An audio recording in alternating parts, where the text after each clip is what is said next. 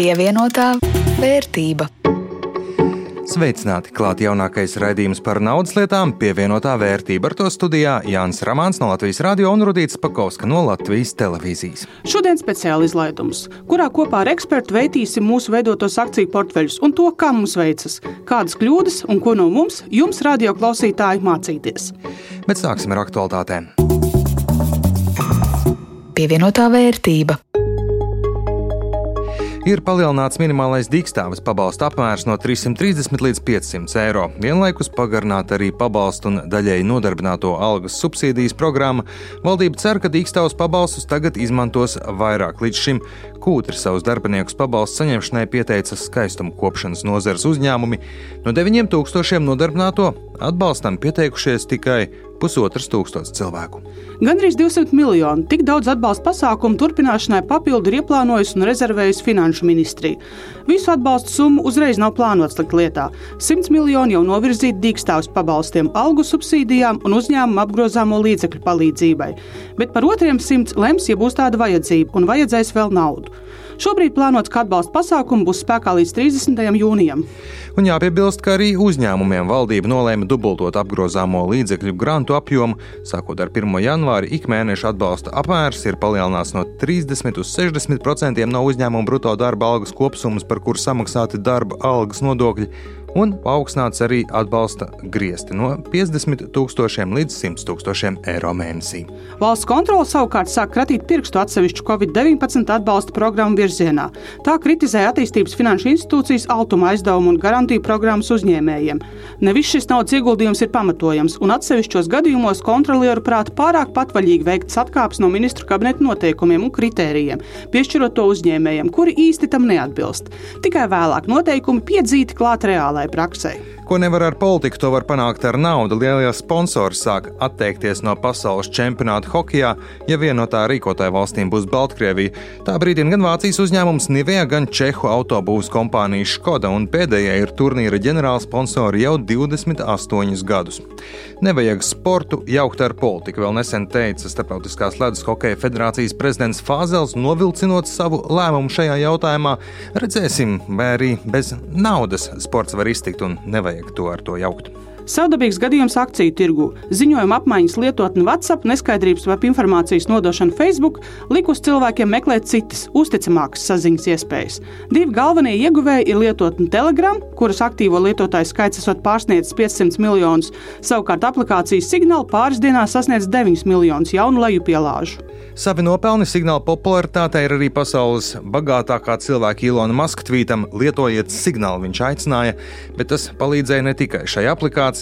Kādas Teksasas štatā bāzētas kompānijas Signal Advance akciju cenas pāris dienās uzskrēja debesīs pēc šī paziņojuma. Pieaugums par vairāk nekā 5100% no 50 centiem līdz 40 dolāriem par vienu akciju.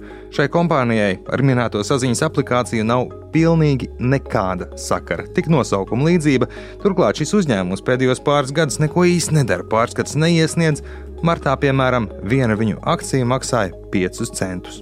Bet raidījuma otrajā daļā tajā no studijas pārceļamies uz laikmetam atbilstošu platformu videokonferenci, kurā izvērtēsim mūsu investīciju portfeļus, kurus sīkāk varat iepazīt arī LSM.CLV portālā.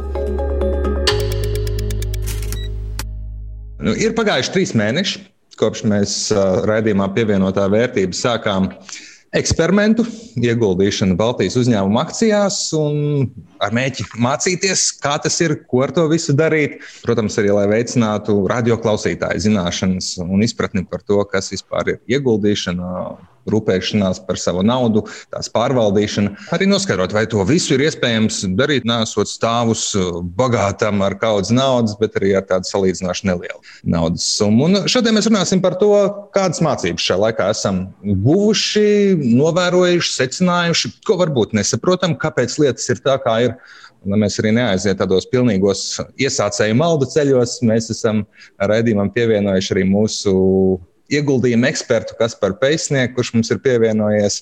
Sveicināts, Kaspar! Sveiki! Īsi atgādinot, šis viss ir draudzīga sacensība. Gan es, gan Jānis, mēs katrs atvēlējām 300 eiro personīgās naudas, lai veidotu savus akciju portfeļus. Viss notiek pa īstam, īsta nauda, īsts risks.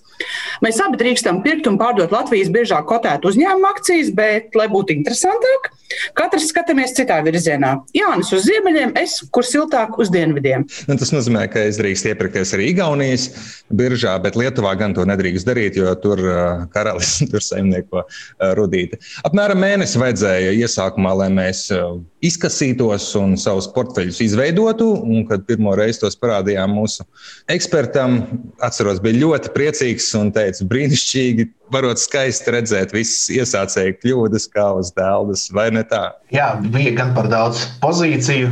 Jāņa portfelī gan nebija konsekvence tajā, cik liels portfeļu īpatsvars tiek atvēlēts katrai pozīcijai, kādai ļoti maz, kādai ļoti daudz.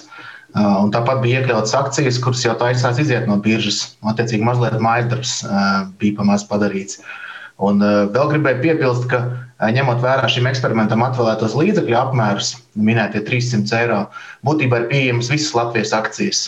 Jo par dažiem desmitiem eiro var nopirkt gandrīz jebkuru akciju, uh, Eh, tomēr, ja portfeļi būtu lielāki, pat vai jau dažos tūkstošos vai desmitos tūkstošos, tad būtu ļoti svarīgi vēl ņemt vērā likviditātes faktoru. Un tajā brīdī daudzas akcijas vairs nekļūst pieejamas. Likviditāte tas ir, vai es viņus varēšu gan nopirkt, gan pārdot viegli bez problēmām. Jā, tieši tā. Ir atsevišķas akcijas, kur, piemēram, vienas dienas laikā tiek notirgotas piecas vai desmit akcijas, varbūt simts akcijas, un kopējais apgrozījums ir daži desmit eiro vai daži simti eiro. Un, attiecīgi, ja mēs gribam tādu nopirkt par tūkstoti, varbūt nemaz otrā pusē nav pārdevējs. Mēs viņu nemaz nevaram nopirkt neizstumdotu cenu. Te man jāpiekrīt, man pašai ir jūras medicīnas centra akcijas. Pirmkārt, kamēr es viņas nopirku, man nācās vairākas reizes tirgū teikt, hei, es gribu, es gribu, un tikai kādu trešo vai ceturto reizi man pat tās manas dažas akcijas izdevās nopirkt, kas ir uz tirgus mēroga pavisam mazs darījumiņš. Jā, tieši tā. Tieši tas, tas arī bija, ko gribēju ar šo visu pateikt. Jā. Trīs mēnešus mēs gluži neesam sēdējuši uz savu portfeli, bet kaut ko arī darījuši, mazliet arī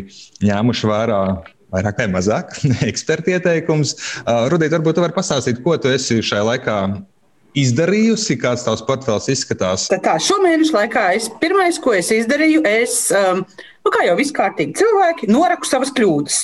Mana lielākā kļūda bija tā, ka es biju iegādājusies Grindex akcijas, kurš iet projām no biržas, biju nopirkusi dārgāk nekā viņiem ir šis obligātais akciju atpirkums, kas nozīmē, ka es jau kā, tajā mirklī sev biju garantējusi zaudējumus.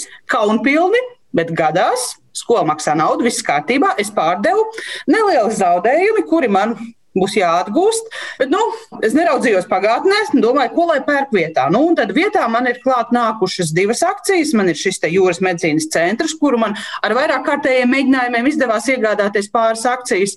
Un otrs, kas man nāca klāt, es nopirku Lietuvas uzņēmumu Grigeo, jo nu, nolēmu šajā laikā uzņēmums, kas ražo tolets papīru, vienmēr būs cieņā un svarīgs. Nu, un pārējiem man tur nedaudz pamainījās pozīcijas. Es piepirku klāt dažas uh, Linas agro grupu akcijas, jo nolēmu, ja reiz vajag tolets papīru, tad vajag arī ēst. Un tādā gadījumā arī izklausās perspektīvas uzņēmums. Skatoties uz uh, Rudītas portfeli, jāatzīst, ka diezgan veiksmīgi ir izdevies pārdot Grindex akcijas ar salīdzinoši nelielu zaudējumu. Tā nebija pārāk dārga kļūda. Un, uh, Kopumā var teikt, ka portfels ir bijis ļoti veiksmīgs. Visas pozīcijas kopš iegādes ir plusos. Un man arī patīk, ka portfels šobrīd ir gana plaši diversificēts gan pa akcijām, gan pa nozarēm. Manuprāt, pozīcijas nav ne par daudz, ne arī par maz. Un šajā brīdī kad eh, no akcijas ir daudzas pozīcijas, ir ļoti lielos plusos, dažas ir dažos plusos. Tad eh, šajā brīdī jāsāk domāt par to, eh, nu, kādam termiņam šis portfels ir paredzēts ieguldīšanai. Vai tas ir oportunistiskai peļņai, vai tas ir ilgtermiņam. Ja otrais variants, tad iespējams kādu no pozīcijām var vērtēt pārdošanai un skatīties kādu, ko piepirkt vietā. Un tad tev ir jautājums, kāds ir plāns, cik ilgi tiek portfeļi tiek plānoti uzturēt? Tas ir labs jautājums, par ko mēs arī ar Jānu runājām. Jo mūsu sākotnējā doma bija tāda ilgtermiņa spēle. Nu, tāds ilgs, ilgspēlējošs pasākums, kur mēs, nu, kā tādi nopietni investori, kuri raugās vairāku gadu griezumā, bet, nu, jāsaka, godīgi redzot tos plusus, ir kārdinājums piefiksēt to peļņu. Bet vai tad būs kaut ko labāku vietā? Tas arī ir ļoti nopietns jautājums. Ja mēs skatāmies no maksimālās peļņas īstermiņā, tad, piemēram, 30% peļņu uz kādu pozīciju divos vai trīs mēnešos, tas ir vienreizēji, tur tad ir jāpiefiksē un jāpārdod. Savukārt, ja mēs skatāmies uz ilgtermiņu, tad mēs nekad ilgtermiņā nevaram uh, cerēt kļūt uh, krietni turīgāki no akciju ieguldīšanas, ja mēs pie katriem salīdzinoši nelieliem plusiem lēkāsim iekšā un ārā. Nu, un jā, kā tev ar izmaiņām? Tu jau ar kaut ko tur esi pamainījis. Tev arī bija obligātie iepirkumi, un kas tur vēl nē? Jā, es Rīgas juvelēra izstrādājuma rūpnīcas akcijas biju iegādājies, bet ar tādu domu jau zinot, kāda būs atpirkuma cena, ka es uz to starpību nelielo, kas ir, jo es nopirku viņas mazliet lētāk, ka es nu, no tā visu kaut ko dikti nopelnīšu. Un pēc tam es sapratu, ka tā tas gluži nestrādā, jo izrādās ir komisijas maksa vismaz 10 eiro, lai pieteiktos šādam obligātam atpirkumam, un tā, tā visa peļņa tur pazūd, un es pat dabūtu piemaksāt pie saviem astoņu vērtiem juvelēra izstrādājuma rūpnīcas akcijām. Bet man veiksmīgi izdevās pārdot viņas gandrīz visas tirgu par uh, šo atpirkuma cenu, un, un tika arī vaļā no tiem uzņēmumiem, ko eksperts ieteica, ka, ja tu nesaproti, ko viņi īsti dara, tad uh, labāk nevajag. Un, līdz ar to arī Rīgas kuģu būvētāji es atvadījos, jo es mēģināju saprast, ko viņi dara. Nu, kuģus viņi patiešām nebūvē, bet uh, ko viņi šobrīd dara, to nevar saprast. Tā kā es arī labāk no viņiem tiku vaļā un tā vietā iegādājos mazliet klāt online farmu akcijas, lai mazliet sabalansētu savu portfeli tādām līdzīgākām uh, pozīcijām. Man priecē, ka Jānis ir samazinājis portfelī iekļauto pozīciju skaitu. Tas šobrīd ir koncentrētāks un uh, akcijām būs vieglāk izsekot līdzi. Arī Jāņa portfelī visas pozīcijas ir plusos, nu, kādai lielāks, kāds mazāks pluss. Un arī šeit uh, atkal tas pats jautājums. Ja ir ilgtermiņš, tad uh, droši vien turpinām turēt. Ir savi argumenti, ir savi faktori, kāpēc. Ja meklējam peļņas iespējas, nu varbūt kaut kas ir jāsāk pārdot. Kaut kur ir plus un varētu pārdot un piefiksēt šo peļņu. Un, piemēram, izvēlēties kādu akciju, ko mēs domājam, kad, kuriem varētu nākotnē būt kāds uzrāviens. Tad tā viena no problēmām ir Baltijas tirgu atrast kādu, kurā tiešām gribētos ieguldīt un kurš izskatītos perspektīvas? Jā, nu man liekas, ka pirmkārt būtu jāparunā par uzņēmumu kapitāla struktūru, nu, kā uzņēmumu parasti piesaista savus līdzekļus. Eh, viens no veidiem ir aizņemties, un eh, jāņem vērā to, ka šobrīd banku likmes eh, ir ļoti zemas. Ja skatāmies vēsturiski un relatīvi pret citiem arī kapitāla piesaistes veidiem, Tas nozīmē, to, ka kamēr vien uzņēmums ir spējīgs, veiksmīgs, viņš var finansēt savu attīstību no banku aizņemtiem līdzekļiem, kur nereti šie lieliem uzņēmumiem ir pat 1, 2, 3% tādas likmes. Tad uh, otra alternatīva ir kapitāla piesaiste, kas būtu piemēram caur biržu, izlaižot jaunas akcijas. Parasti tiek pieņemts, ka šis kapitāls ir ļoti dārgs salīdzinoši. Viņam šīs likmes var būt 8, 10 un 15%, kad mēs aprēķinām, cik mums šis kapitāls izmaksā.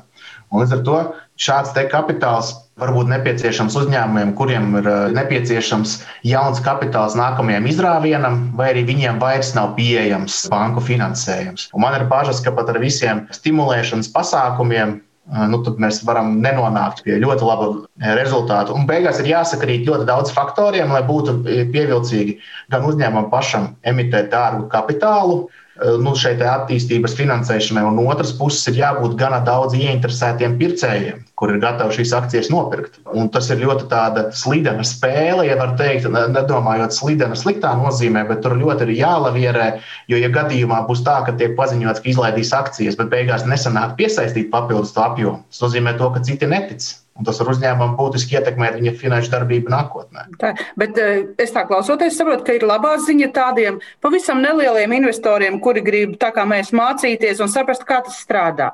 Tirgus ir neliels, visu ir samērā vienkārši apskatīties, saprast. Tev nav tūkstošos mērāms uzņēmumu saraksts, tev ir daži desmiti, kurus tu visu vari izpētīt. Viss tāds tūs un pazīstams un var eksperimentēt. Jā, tieši tā, un vēl ļoti labā lieta ir tāda, ka, piemēram, kaut vai pērkot Latvijas mazos uzņēmumus, gluži tāpat kā citus pasaulē lielajās biržās, mēs varam piedalīties gan akcionāru sapulcēs attālināti, bet šeit mēs varam piedalīties klātienē, kad nav epidemioloģiskā situācija.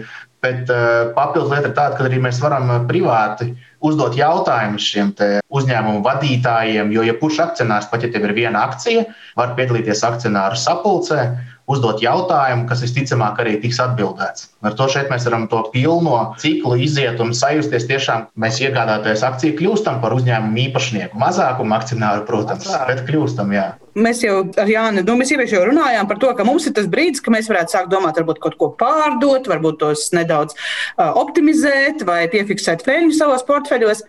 Vai ir kāds padoms, kādas kļūdas mums nepieļaut, jo es negribu vēlreiz kaunpilni stāstīt līdzīgu stāstu, kā man bija ar Grindeksu. Vislabākās mācības ir pašam pieļautās mācības. Jā. Nu, līdz ar to tas arī ir tas, ko es iesaku. Jeb, jebkuram nebūs iespējams darīt tā, ka nu, noklausīties kādu ekspertu vai, vai kādu ieteikumu, un nu, pēc tam visu mūžu darboties tikai veiksmīgi. Noteikti būs kādas kļūdas, un tās ir jāpiedzīvo pašam, eh, katram. Un eh, tikai pēc tam var saprast, kas ir tās kļūdas. Šeit arī eh, gribēju piebilst par šiem ienesīgumiem, ka portfeļos šobrīd pieaugumi tiešām ir ļoti labi. Tomēr jāpaskatās arī ir konteksts, cik ir pieaudzis biržas indeks, cik kopumā ir pieaudzis biržas uzņēmumu kopējā vērtība. Un, eh, ja mēs skatāmies kopš tā brīža, kad eh, Rudīts sāka veikt eh, pirmos ieguldījumus, tad biržas indeks ir pieaudzis par 18,89%. Nu, mazliet vairāk nekā eh, rudīts portfels. Savukārt, kopš Jāņa pirmajiem darījumiem, biržas indeks ir pieaudzis par 23,77%. Jeb krietni vairāk nekā eh, Jāņa rezultātā. Nu, attiecīgi, abi portfeļi vairāk vai mazāk atpaliek no biržas vidējā rādītāja.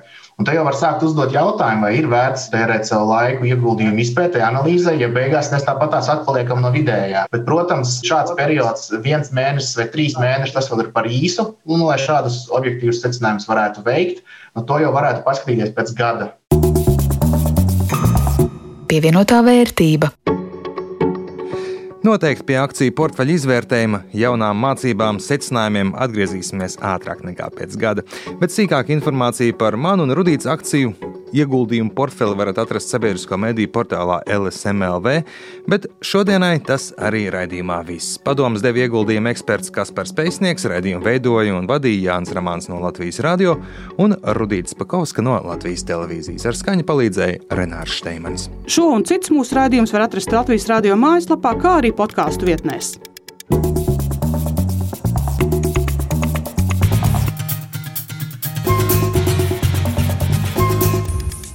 Pievienotā vērtība.